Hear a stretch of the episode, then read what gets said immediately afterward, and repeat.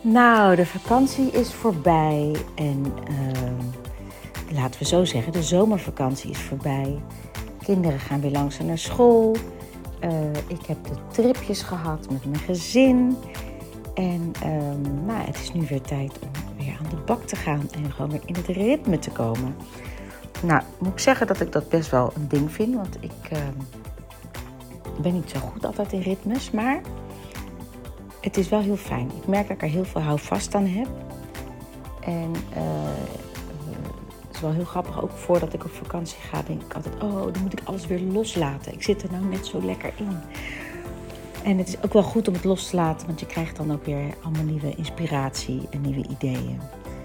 En um, het liefst zou ik nog een beetje door willen hobbelen en uh, ja, even een beetje niks doen. Want ik moet zeggen, het was wel vakantie en we hebben wel dingen gedaan. Maar je bent dan ook echt, je komt niet helemaal tot rust, want je bent alleen maar aan het rijden. We hebben stedentripjes gedaan. We zijn naar Duitsland geweest, naar familie. We zijn naar, uh, naar Brussel en Parijs geweest, Euro Disney. En steeds allemaal kleine dingetjes. Maar je bent dus constant onderweg, maar echt tot rust kom je niet. Dus, nou, dat gaat nu wel komen, want ik heb nog één weekje bodyguard. En uh, ja, dan gaat eigenlijk uh, het leven beginnen waar ik al uh, toch wel een tijdje naar uitkijk, heel eerlijk gezegd. dan heb ik eigenlijk geen dingen meer die mij kunnen afhouden van de doelen die ik heb. Met mijn eigen, mijn eigen ding als artiest en mijn eigen academy en ja, alle dromen die ik uit wil werken. Mijn boekje die ik opnieuw uit wil brengen. Nou ja, en dat kan ik dan doen lekker vanuit mijn huis en vanuit rust. Ik ga nog eind uh, september even heerlijk naar Ibiza. Dat voor een business dingetje. En daarna vlieg ik uh, naar Spanje, naar het huis van mijn vriend. Uh, dus er komt nog wel ook wel een weekje echt helemaal niks aan. Nou, gisteren heb ik lekker... Uh, ik had eergisteren twee shows. En gisteren ben ik heerlijk uh, met mijn vriend op de motor richting Rokanje gereden. En uh, we hebben daar een gat in de dag geslapen op het strand. Ik heb nou ook een rood verbrand neusje. maar al met al was een heerlijke dag. En uh, ik ben nou rustig aan het opstarten weer. En nou ja, vanavond heb ik een optreden. Dat is ook wel heel erg leuk. Met mijn Tina Act. Ook lang niet meer gedaan. En uh, ja, nou ja, we gaan lekker beginnen. Nou, uh, nou had ik twee weken geleden heeft een, uh, iemand die bij mij ook de kick-off heeft gedaan. En waar ik een hele leuke, waar ik af en toe leuk mee chat. Die zei tegen mij: Ik zou het toch hartstikke leuk vinden als jij nog een keer een podcast op zou willen nemen. Um, over jouw Tina-proces. Nou, Pieter Jan, ik ga mijn best doen. En ik ga even jouw appje erbij halen.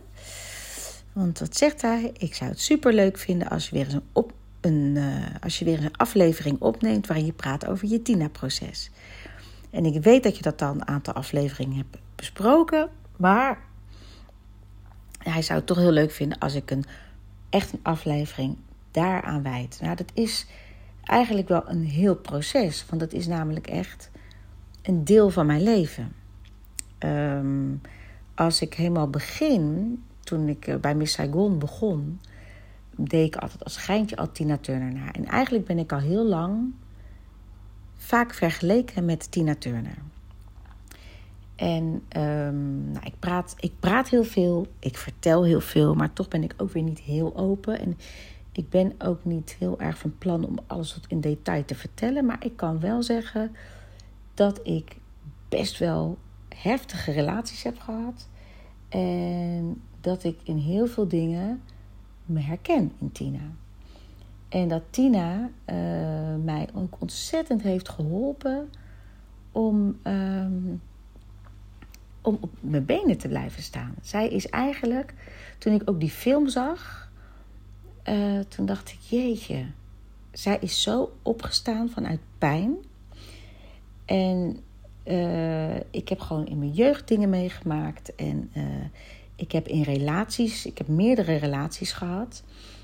En, um, En in die relaties, er zijn ook goede relaties geweest, absoluut. En dat waren dan relaties waar ik nog niet klaar voor was.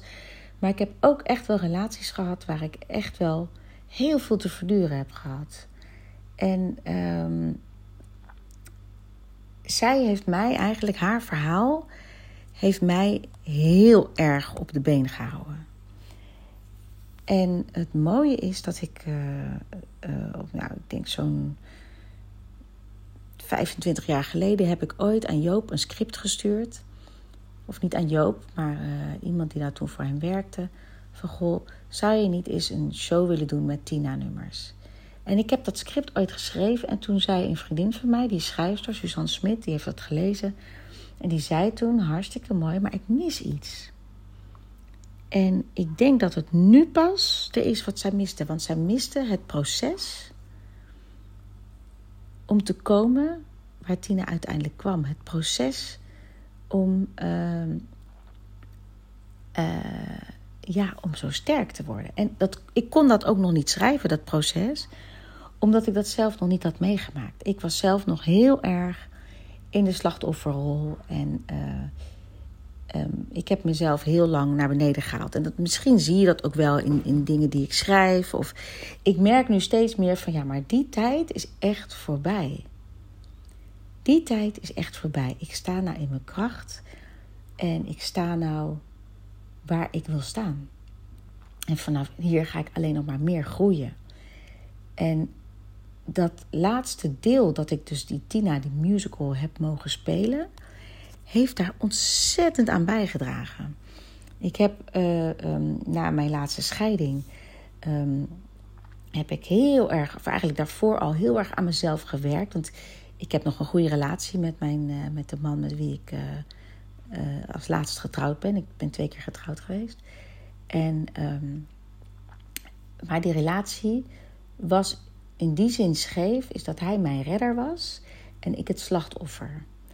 En ik heb ook altijd iedere stap die ik heb gezet vanuit het slachtoffer zijn gezet.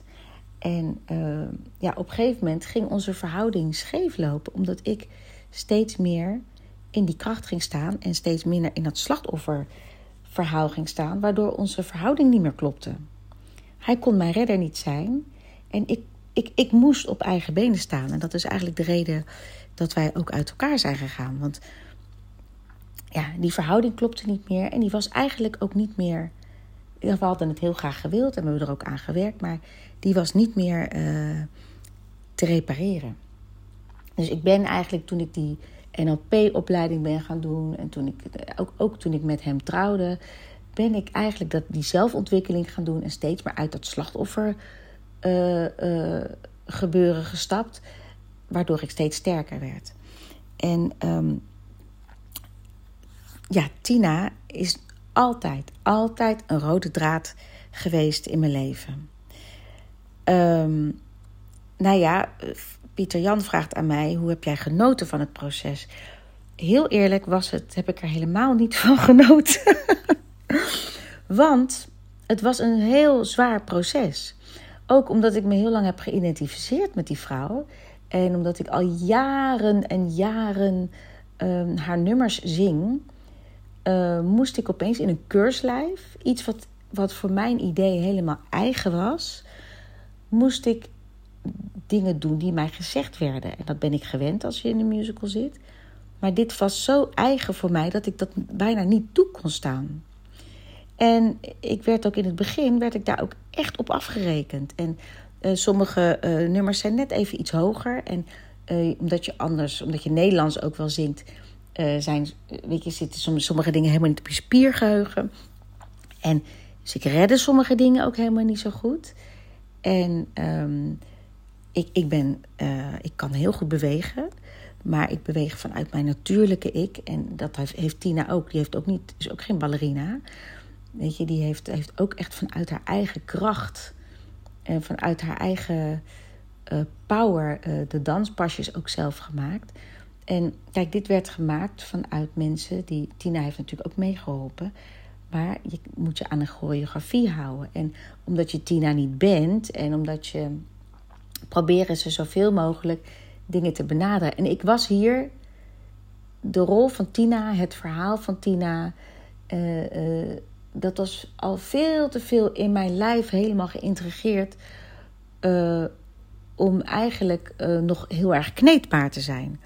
En dat heeft nog best wel wat voet in de aarde gehad. En ik heb ook echt wel momenten gehad dat ik dacht: jongens, stik erin. Ik ga naar huis. Ik donder op. Ik heb hier helemaal geen zin meer in.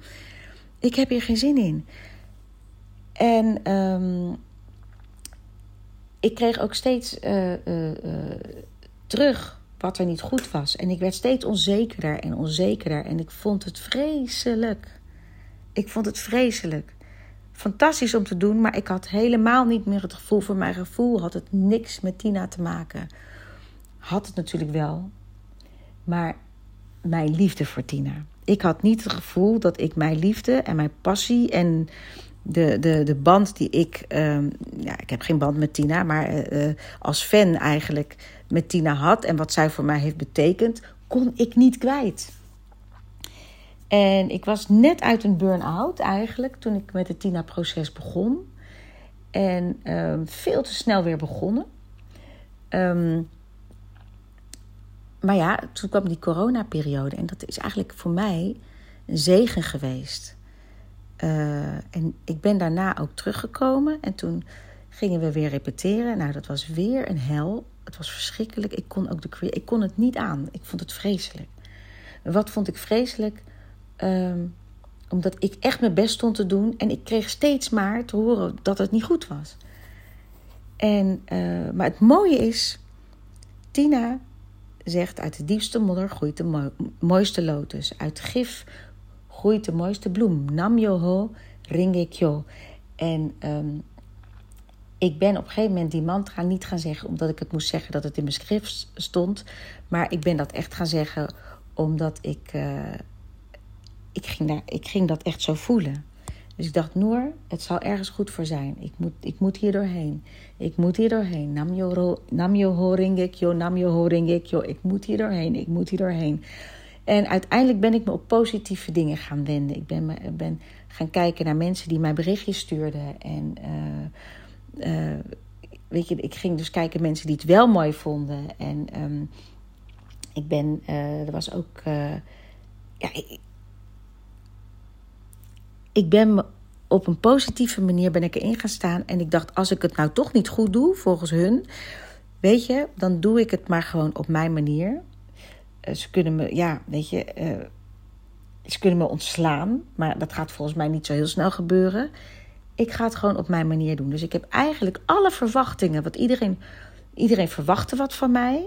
En ik verwachtte ook wat van mezelf. Want ik dacht, ja, hoe kan ik dit nou niet goed doen? Want dit zit zo in mijn lijf dit is de, alle enige, de enige rol die ik ooit in mijn leven had willen spelen, speel ik nu.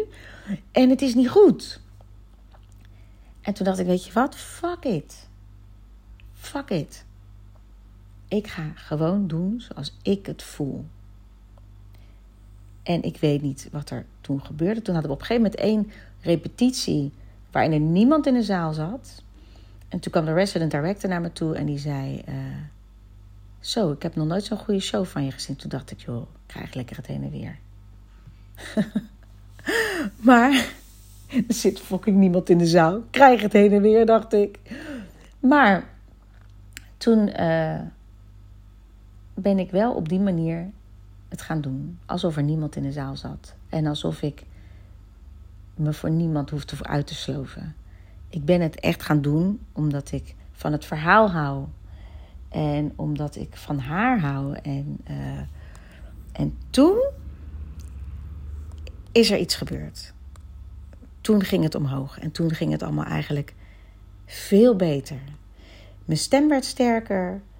Um, ik heb zelfs ook, nou ja, goed, dat heb ik ook wel eens verteld. Maar ik, ook al ging het beter, want ik ben ook op een gegeven moment net voor mijn première hartstikke ziek geworden. Waardoor ik weer niet, weet je wel, ja, ik had toch altijd het gevoel van, goh, ik wil toch ook wel die erkenning krijgen. Die kreeg ik ook niet. Dat ging weer naar een ander, omdat ik ziek werd. En, en, en het is zo'n ego-proces geweest. Dat wil je niet weten. Nou ja, dat wil je wel weten. Pieter Jan, want anders vroeg je er niet om. Het is zo'n ego-proces geweest. En ik ben zo met mijn voeten op de grond gezet. En ik ben uiteindelijk zo van die rol gaan houden. Maar ik was ook ontzettend blij dat het voorbij was. Even kijken, ik ga weer heel eventjes kijken. Hoe heb je genoten van het proces? Wat heb jij ervan geleerd? En welke obstakels heb je overwonnen? Nou ja, ik heb dus echt overwonnen. De obstakels, mijn grootste obstakels, waren het zoeken naar erkenning. En het gezien worden. En dat ik dus niet gezien werd voor mijn gevoel. Dat was mijn allergrootste obstakel. En dat ik dan te horen krijg van de resident director van... goh, dit was de beste show en er zat niemand in de zaal. Ja, dat, dat heeft mij op een gegeven moment laten inzien... hoe hard ik het ook altijd heb geroepen. Want je roept het altijd, hè? je kan altijd hele wijze dingen zeggen. Ik zie ook mensen, collega's van mij zeggen allemaal hele wijze dingen. En... Um, maar leef het maar eens. Leef het maar eens. Weet je wel, voel het maar eens. En uh, ik, ik voelde dat op dat moment. Ik denk, ik moet dat loslaten. Ik moet die hang naar erkenning loslaten. En ik moet dit spelen omdat die vrouw zoveel voor mij heeft betekend. En als ik dat voel, kan ik ook dat loslaten. Welke reacties heb je van je fans gekregen? Een leuke verhalen tijdens de Tina-tijd. Ik heb uh, ontzettend veel mooie reacties gekregen. Ik heb zelfs een keer een vrouw, die uh, heb ik in mijn handschrift... Nam je Horingikyo geschreven en die heeft dat getatoeëerd. Dat was wel heel bijzonder.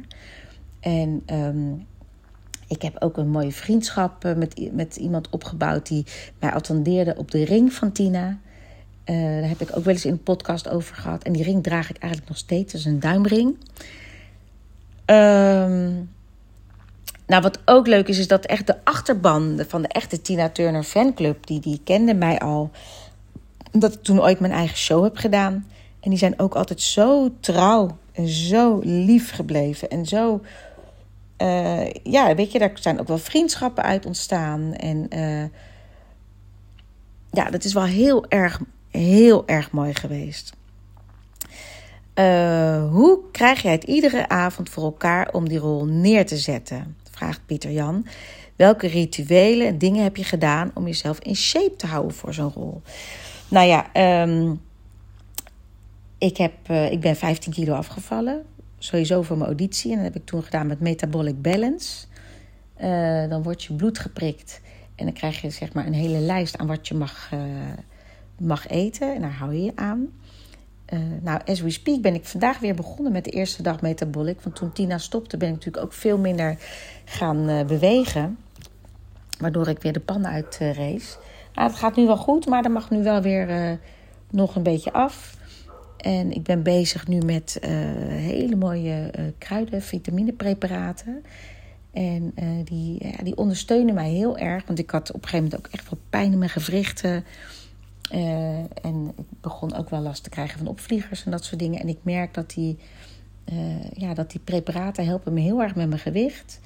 En um, om, om dat op peil te blijven. Ik, ik voel me heel energiek. Uh, ik heb geen pijn meer in mijn gewrichten. Dus um, en tijdens Tina heb ik ook wat personal training gehad. En ben ik echt wel heel erg bezig geweest van ik moet in shape blijven. Maar de show op zich was al zo heftig dat als ik dan bijvoorbeeld een middag ging lopen kracht trainen, dat ik geen kracht meer had om de show te doen. Dus dat was even zoeken naar een balans. Uh, nou ja, die heb ik uiteindelijk wel gevonden. Maar ik merkte wel dat ik roofbouw aan het plegen was op mezelf. Um, ik was best wel vaak ziek, griep had ik veel. En uh, ja, naast dat ik fysiek door heel veel dingen heen ben gegaan, ben ik geestelijk ook door ontzettend veel dingen gegaan. En ik heb, ik heb ook echt dingen uit mijn verleden echt afgesloten. En eh, wat ik ook besefte was, ik heb mij zo geïdentificeerd met die vrouw. Dat ook bijvoorbeeld mijn allerlaatste show. Het was voor mij echt een heel mooi meditatief, prachtig moment. Uh, heb ik ook echt dat jasje dat slachtofferjasje. Want kijk, Tina heeft zich nooit als slachtoffer opgesteld. Nooit. Zij heeft een verhaal verteld. En dat is, dat, weet je, dat is soms bijna jammer dat het haar identiteit is geworden. Dat zij zo'n heftig leven heeft gehad. Want ze, ze is zo krachtig, weet je wel. En, en, en, en, uh, ze heeft zoveel jaren zo'n prachtig leven ook met Erwin gehad. En ze is zo ontzettend krachtig. En ehm, dus ik vond ook voor mijzelf, weet je wel, dat ik mezelf steeds naar beneden haal. En, en, en alles wat ik in mijn jeugd heb meegemaakt en in mijn relaties heb meegemaakt. Het moest maar eens afgelopen zijn. Dus ik heb ook echt letterlijk, ik was hartstikke ziek. Uh, ik had net voordat we stopten met Tina, had ik uh, uh, 40 graden koorts. Op een gegeven moment 41, 42. En ik dacht, ik was aan het eilen en ik dacht echt, het is klaar. Serieus, ik heb het nog nooit gehad. Maar ik lag op de bank en ik was echt aan het bedenken van... wat staat er nog op mijn spaarrekening? Kunnen mijn kinderen nog in het huis blijven? En ik was echt afscheid aan het nemen voor mijn gevoel. En toen ben ik heel langzaam beter geworden, teruggekrabbeld... En eigenlijk toen ik mijn laatste show deed, want ik had die week heel veel shows moeten doen, dat is me niet gelukt.